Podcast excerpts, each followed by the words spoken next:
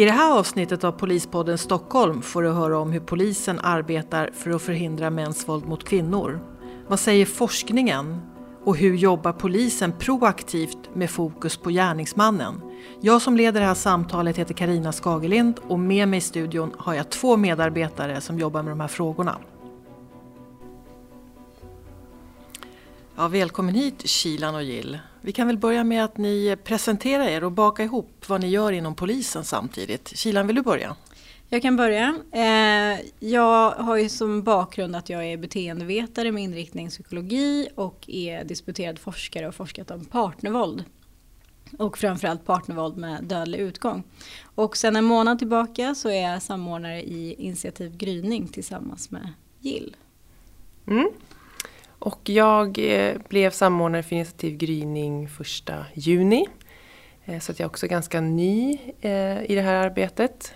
Ehm, jag är polis i grunden och har jobbat tidigare mycket med utredningsverksamhet. Jag var utredningssamordnare i Stockholm Nord i några år innan jag klev på det här uppdraget. Initiativ Gryning har ju kommit upp här nu. För oss inom polisen i Region Stockholm är det självklart. Men kan du berätta vad det är för någonting Jill? Ja, men det är en satsning som vi gjorde eh, inom Polisregion Stockholm 2019. Eh, och det är ett, vad ska man säga, det är ett utvecklingsarbete som vi gör kopplat till särskilt utsatta brottsoffer. Där vi tittar på bland annat våra metoder, vår samverkan eh, och resurs kompetensutvecklingsbehov. Eh, men också eh, norm och kultur och hur vi ser på den här typen av brott. Så vi, eh, Initiativ Gryning jobbar med utvecklingsfrågor kopplat till särskilt utsatta brottsoffer. Jill, kan du berätta lite mer? Polisens arbete då, när det gäller brott i nära relation, hur ser det ut? Ja, vi har valt att eh, centralisera brott i nära, alltså utredning av brott i nära relation eh, på polisområdesnivå. Det betyder att vi utreder dem eh, centralt på sektioner, så vi har så kallade BIN-sektioner i våra stora polisområden. Och vi har haft försöksverksamheter där vi har testat att utreda de här brotten i relation även lokalt. Men eh, i början av sommaren beslutade vi oss för att vi ska hålla oss precis som man gör nationellt på då sektionsnivå, polisområdesnivå. Ehm, så det är någonting som vi jobbar på att, att eh, utveckla för att vi ser att vi behöver ha en ökad samverkan med lokalpolisområdena även fast utredningarna ligger på sektion. Så det tittar vi på. Anledningen är för att vi vill ha en specialistresurs på sektionsnivå som kan eh, jobba fredat och inte kanske dras till så mycket annan, andra typer av brott. Ja, det är så vi har organiserat arbetet. I. Men för den som blir utsatt så spelar ju organisationen kanske inte jättestor roll. Men det viktiga i gryning är väl egentligen att man har en resurs det är ju så att man konkurrerar med rätt mycket andra grova brott mm. i Stockholm. Men att man, har, man ska se till att det finns resurser som kan utreda de här brotten. Ja. Och att, att, att det finns på polisområdesnivå som vi kallar det i organisationen. Då. Ja men precis och att det är en, en, en fredad resurs som du säger är viktigt men också att man har möjlighet att bygga upp en specialistkompetens. Vi ser mm. att det behövs i den här typen av ärenden. Eh, sen behöver vi titta på hur vi kan ha, för det blir ju en kedja från den första kontakten med polisen kan ju vara på olika sätt. Eh, och sen ända fram till att utredningen kanske redovisas eller kanske läggs ner. Så är det, vi jobbar ju med en, en kompetens och att vi behöver säkra en hög nivå och förmåga hela, hela vägen. Mm. Men vi ser ju att just det brottsutredande uppdraget på de här sektionerna, så att säga, där har vi en, en specialistkompetens. Vi var ju inne på det lite, att det händer mycket annat som får eh, mycket uppmärksamhet i Region Stockholm. Det är skjutningar och annat grovt våld.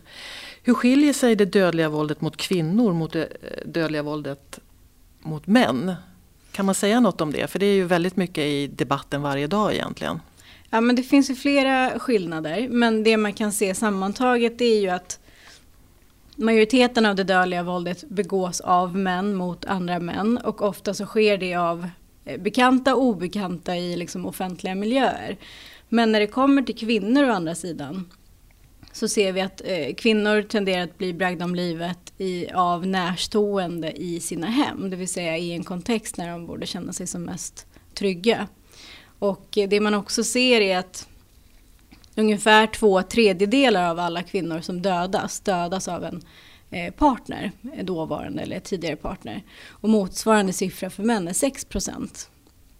Så det är enorma skillnader i liksom kontexten kring, eh, kring det dödliga våldet. Då. Ja, du jobbar med, du har forskat om det här och tar med din kunskap nu in i Polismyndigheten så att vi ska bli ännu bättre på att jobba med de här frågorna. För de är ju prioriterade Absolut. i organisationen. Eh, varför behöver polisen förstå hur våldsamma männen kan bli och vilken betydelse har liksom din forskning rent praktiskt för, för den som är våldsutsatt eller kommer till polisen? Vad, vad kan du ge en liten bild av det? Ja, men det är ju en jättebra fråga som jag själv försöker ta reda på nu när jag får också mer kunskap om Polismyndigheten och det polisiära arbetet. Så att det, det ska bli intressant att se hur man kan integrera den kunskapen som finns i forskning, inte bara min forskning utan även liksom internationell och nationell forskning, hur man kan liksom integrera det i det polisiära arbetet och hur man också kan liksom utvärdera olika metoder och så vidare. Men eh, jag tänker så här att det första fråga där om varför det är viktigt att polisen vet hur, hur våldsamma de här männen kan bli så tänker jag att alltså, ju mer kunskap vi har om de här våldsutövarna desto bättre förutsättningar får vi att faktiskt förhindra väldigt allvarligt eh, partnervåld eller dödligt partnervåld. Eh, och, då, eh, och vi liksom får en bättre förmåga att bedöma risk och hantera risk och så vidare. Och vi får också bättre förmåga, skulle jag säga, att eh, inte bara att vi ska ringa in det grövsta eller de farligaste fallen, men också att man blir liksom effektiv i det polisiära arbetet på så sätt att vad är lämplig åtgärd för vilken typ av ärende? Det kan ju öka liksom rättssäkerheten för den våldsutsatta men det kan också effektivisera och bli en liksom resursfråga, tänker jag, i längden. Mm. Det handlar om, det som jag tycker är lite nytt och som borde vara självklart, det är att det är mer fokus på gärning, gärningsmannen. Att den är mycket i fokus, att vi ska öka kunskapen om, om gärnings personen för att komma åt, förhindra och stoppa våldet. Kan du säga lite mer om din forskning? För det här låter ju jättespännande. Vad kan du berätta mer om det? Om, om eh, fokusskiftet kan man ja. säga. Jag skulle säga att just det fokusskiftet är väldigt, väldigt efterlängtat. efterlängtat. Inte bara inom Polismyndigheten men jag skulle säga nationellt och även till viss del internationellt. Det man kan se liksom att, att traditionellt sett så har vi fokuserat väldigt mycket på eh, våldets konsekvenser och, och liksom de våldsutsatta. Och liksom eh, fokusera på hur vi kan stärka skydd och stöd för de som blir utsatta, vilket är enormt viktigt. Men i det så har vi ju tappat bort våldsutövaren som är själva kärnproblematiken. Och jobbar vi inte med våldsutövare så, så jobbar vi heller inte eh, brottsförebyggande eh, eller återfallsförebyggande. Då blir det ju mer reaktivt än proaktivt. Så att jag skulle säga att det är ett väldigt, väldigt efterlängtat fokus skifte och det innebär ju inte att vi slutar fokusera på våldsutsatta förstås. Eh, så. Så att, eh, så att, och jag vet inte om det jag tycker att det är lite intressant att vi inte har jobbat mer riktat mot våldsutövarna generellt och jag vet inte riktigt vad det bottnar i. Att, att man kanske har förutsatt att det är liksom ja, vad ska man säga, individer som inte går att jobba mot för att de är eh, bortom all räddning eller förstår ni vad jag menar? Mm. Eh, om det antingen är det eller att man inte vill lägga resurser på dem eller att man helt enkelt inte är bekväm med att jobba mot, eh, mot den målgruppen. Och vi pratat lite grann också om, om, hur man ser, alltså att det är lätt att se det här som en, en homogen grupp. Eh, och där tycker jag du har haft så mycket intressanta tankar just kring, du som har tittat på det dödliga partnervåldet framförallt, om att det finns skillnader i de här, mm. liksom, om man tänker profiler på gärningsmän. Ja, men precis. Det är liksom inte ett det är inte en typ av gärningsperson som, och, och en ja. Nej, och det är väldigt viktigt, alltså det tänker jag också är väldigt viktig kunskap att veta att det är en väldigt, det är en väldigt heterogen grupp. Alltså män som utövar partnervåld, det är ju liksom egentligen, jag tänker partnervåld blir ju nästan ett paraplybegrepp i sig, att det finns olika typer.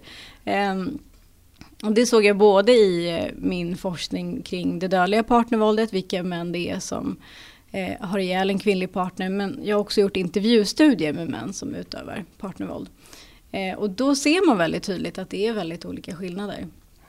Och också vad ska man säga, olika grad av mottaglighet att, till att förändras och ta emot stöd. Vissa är benägna att förändras och vill göra det och är jättemåna om att kunna ha en fungerande relation.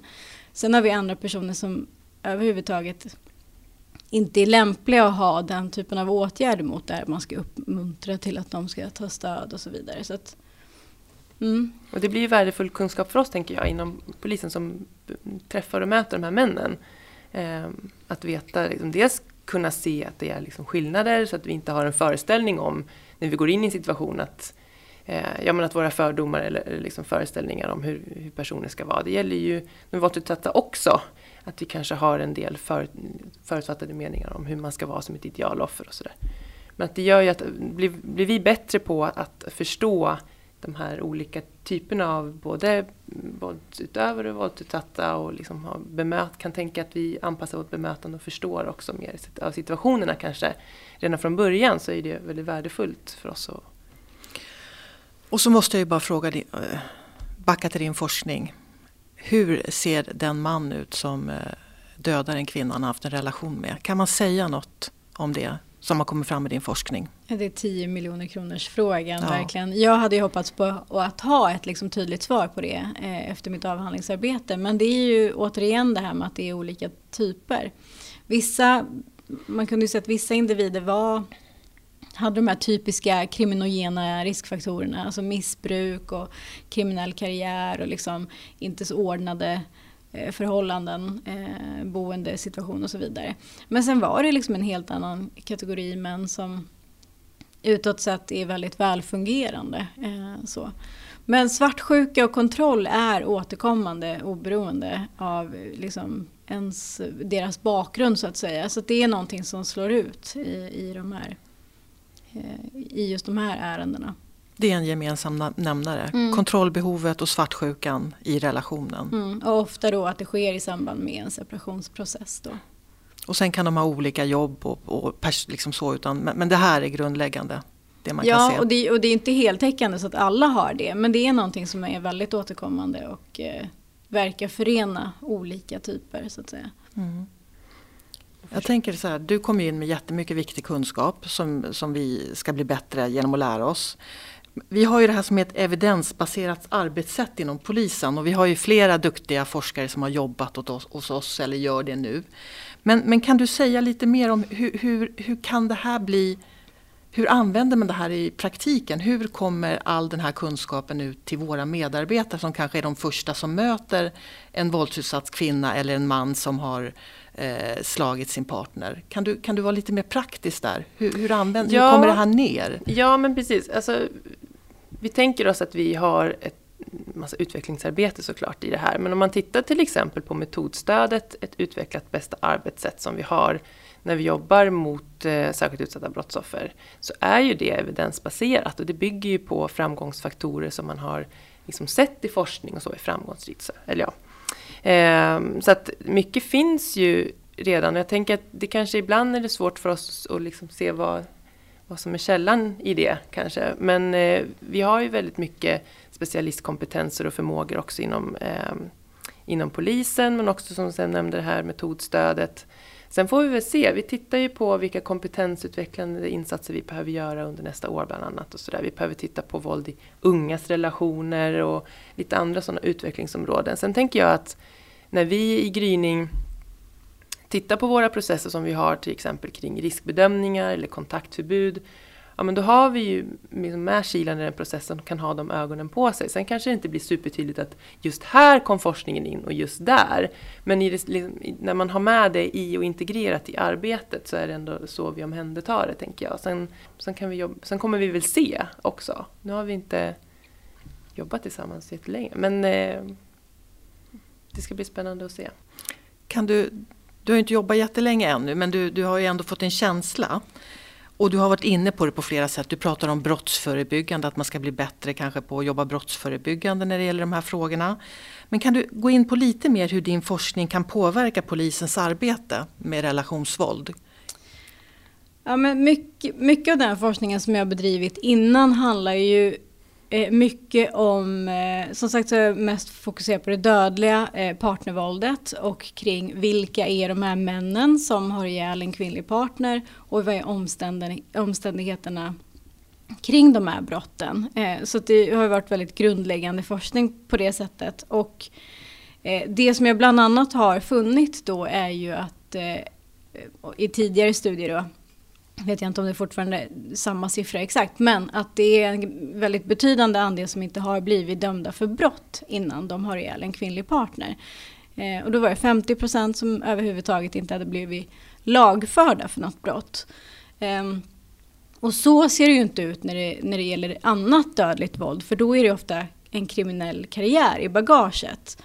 Eh, och jag tror att det är vanligt att man tänker när man ska bedöma risk till exempel ehm, och möter den här typen av personer att, att det ska vara en viss typ av person som har kapacitet att ha ihjäl en partner. Och det menar jag på att det måste vi komma ifrån.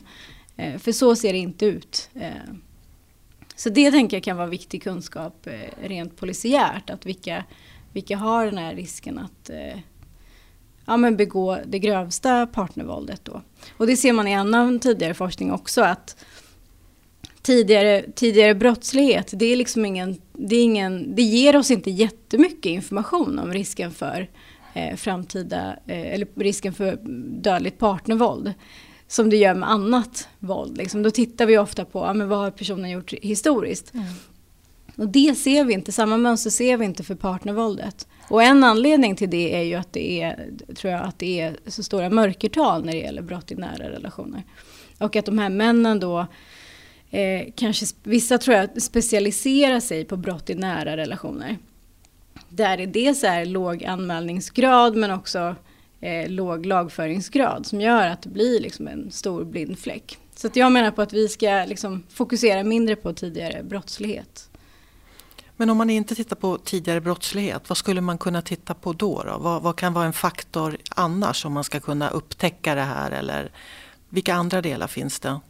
Det måste ni berätta om för det blir jag nyfiken på. Mm. Ja, men det finns ju, jag, jag, tror där behöver forskningen bli bättre också. Vi var inne på det här med att det är en heterogen grupp och då mm. kan det vara olika faktorer som har betydelse för olika typer av gärningspersoner.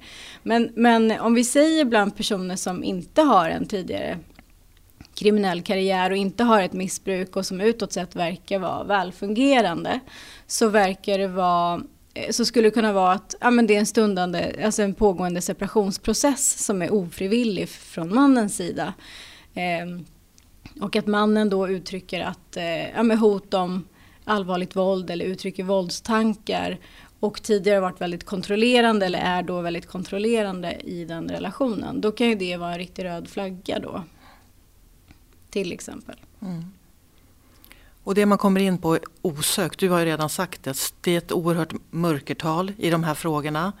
Och vikten av att man anmäler också när man blir utsatt för det här redan tidigt. Kanske hot, kont kontroll eller olika typer av ja, det som kan betecknas som brott. Men det, det jobbas det ju en hel del också med. Det här med att få fler att anmäla. Det är väl också en, det nämnde ju du, att gryning också har som en, eh, ett, ett av uppdragen kan man säga. Men, att synliggöra och få ja, fler men att anmäla. Precis. Och det är, ju, det är ju såklart att vi vill ju uppmana alla till att ta kontakt med polisen när man blir utsatt för brott. Um, det är liksom grundbudskapet på något sätt. Men sen, eh, och det är ju såklart för att vi ska kunna um, ja, att vi ska kunna lagföra uh, och att vi ska kunna göra en, en robust utredning så behöver vi få möjlighet att samla bevis och sådär. Så det är liksom steg ett såklart. Men sen finns det ju också, vi vill ju slå ett slag för de Kvinnofridslinjen till exempel och de andra krafterna som finns i samhället som kan stötta och hjälpa eh, i den här situationen om man nu känner att man inte kanske känner sig redo att gå till polisen. Eh, eller såklart också om man har gjort det och man behöver stöd och så i processen så finns det ju eh, ja, men Kvinnofridslinjen, ehm, man kan också vända sig till socialtjänsten. Ja, man kan kolla på unison.se, där finns det också väldigt mycket bra information. Ja. Så det vill man slå ett slag för, men också såklart om man nu är den som utsätter sin partner för, för våld så finns det ju hjälp och stöd att få där också.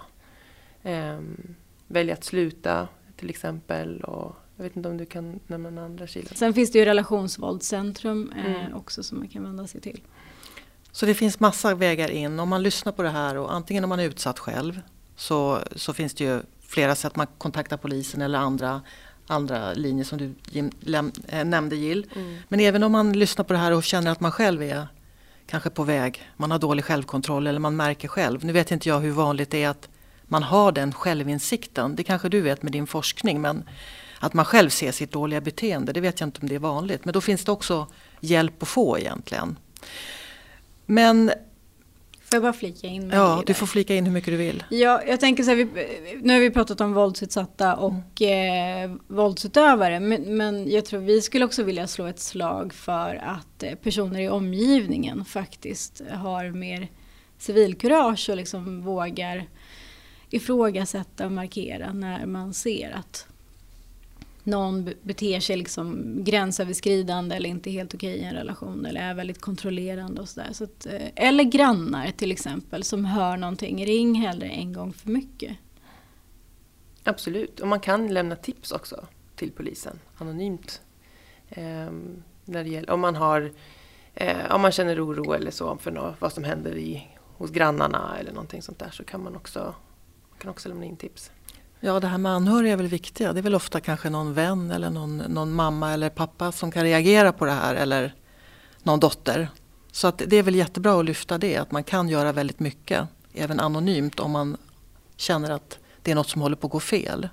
Ja, och jag tror att, eh, precis som Kilan säger också, att man vågar markera i det lilla också. Där tänker jag att vi kan bli bättre i samhället i stort när vi ser saker eh, ja, men som, som tyder på ett oschysst beteende. Det behöver inte, vi behöver inte vara vi behöver inte bara tänka, tänka vad som är brott och inte brott utan vi kan liksom reagera och signalera att det här är fel. Och de eh, gärningsmän som, vi har ju haft en, en, eh, vissa insatser där vi har haft, använt våra förhandlare till exempel som jobbar på regionala insatsstyrkan som har haft samtal med de här männen eh, som har varit inne på förhör. Eh, och de märker ju att det här är ju någonting som man inte har pratat om med någon annan. Alltså gärningspersonerna har inte haft samtal med sina kompisar om hur de har liksom betett sig i relationen utan det kanske är första gången de pratar om det. Ehm, men i de situationerna som man ändå har gett kanske uttryck för ett visst beteende att det är ändå viktigt att gå in och, och kanske öppna upp för samtal eller åtminstone reagera. Tänker jag. Sen är det väl ändå viktigt att nämna att det är ju mycket i debatten också att är det någon idé att anmäla? Har polisen resurs? Lägger ni inte ner allting? Och vad gör ni egentligen? Vad säger du Jill? Ja, det är jätteviktigt eh, att man polisanmäler. Eh, och eh, det är inte alltid som det finns tillräckliga bevis, även fast man har gjort allt vad man kan som, som målsägare och vad vi har gjort, allt vi kan som polis. Eh, så räcker det inte alltid hela vägen fram. Det betyder inte att man inte är att vi inte tror på berättelsen eller vad man har varit med om eller har full respekt också för den svåra processen. Eh, men ibland så räcker det inte hela vägen. Eh, och då kan det kännas såklart svårt. Men det är ändå jätteviktigt att man tar det steget och vågar anmäla. Så anmäl. Ja, Vi, ska, vi gör vårt bästa och det är otroligt viktigt att anmäla det här brottet. ja. Sen finns det ju andra problem med det här. Det kan ju vara väldigt svårt att anmäla någon anhörig. Det, det steget är ju också, kan ju också vara långt och det måste man ha en förståelse för. Vad säger du Kilan om det? Ja men precis, det är ju som bekant inte alls ovanligt att, att eh, målsägare i den här brottskategorin väljer att inte medverka eller vittna liksom, under brottsutredningar och så vidare. Och jag har full förståelse för det, för det måste vara oerhört svårt att polisanmäla en, en närstående. Eh, och det finns ju många olika förklaringar till det. Det kan vara att man känner skam över sin egen liksom, våldsutsatthet, man kan känna lojalitet gentemot våldsutövaren. Eh, och kanske känner hopp om en förändring fortfarande. Och inte minst då att man kanske befinner sig i en beroendesituation till våldsutövaren. Ekonomiskt eller känslomässigt. Men sen en annan eh, aspekt tänker jag kring svårigheter med att bryta sig loss eller till och med kanske medverka i en utredning. Det är ju liksom att det kan vara en, eh, utgöra en risk för den som är våldsutsatt. Jag tror att många har en föreställning om att att det, är ett, att, att det är ett val som kvinnan gör, att stanna och det är väl bara att lämna. Eh, men samtidigt har vi ju att, att lämna en våldsam relation kan utgöra en ganska hög risk för allvarligt våld. Så att det är en svår eh, situation på många sätt. Och jag tror att därför så är det väldigt viktigt att man, tänker jag, i det polisiära arbetet gör rätt tidigt från början när man åker ut eh, och gör de här brottsutredningarna så lite beroende av målsägarens medverkan som möjligt för att ta bort lite ansvarsbörda i den mån det går. Eh, och då blir de här initiala förstahandsåtgärderna väldigt viktiga. Eh, alltifrån allt ifrån att liksom genomföra en brottsplatsundersökning eller få till en bra skadedokumentation eller videoförhör och så vidare. Mm. Mycket handlar ju om att, att säkra, göra en tidig bevissäkring helt enkelt. Eh, och mycket av det som lyfts i metodstödet som vi använder är just skyndsamhet och att vi också ska använda hela vår verktygslåda och kompetens eh, som vi gör även när vi utreder andra typer av brott. Eh, var inne på det lite förut men vi har ju liksom specialistkompetens. Vi behöver använda vår forensiska kompetens mer till exempel och eh, andra typer av eh, specialistfunktioner. Och gör vi det tidigt så har vi större liksom, chans att nå att skapa den här robusta utredningen som vi ofta pratar om som ska räcka hela vägen och som mm. ska, där den bevisen som behöver presenteras är säkrad tidigt. Viktigt. Mm. Det här är ju en fantastisk kunskap som hela samhället borde egentligen få ta del av. Eller det borde diskuteras ännu mer än vad det gör idag. Så det är ju bra att, att det finns här hos polisen nu och att vi verkligen hela tiden försöker att bli bättre på det här som är ett otroligt viktigt område. Jag vill i alla fall tacka er två idag för att ni har kommit hit och pratat om det här. Tack Kilan. Jill. Tack, tack.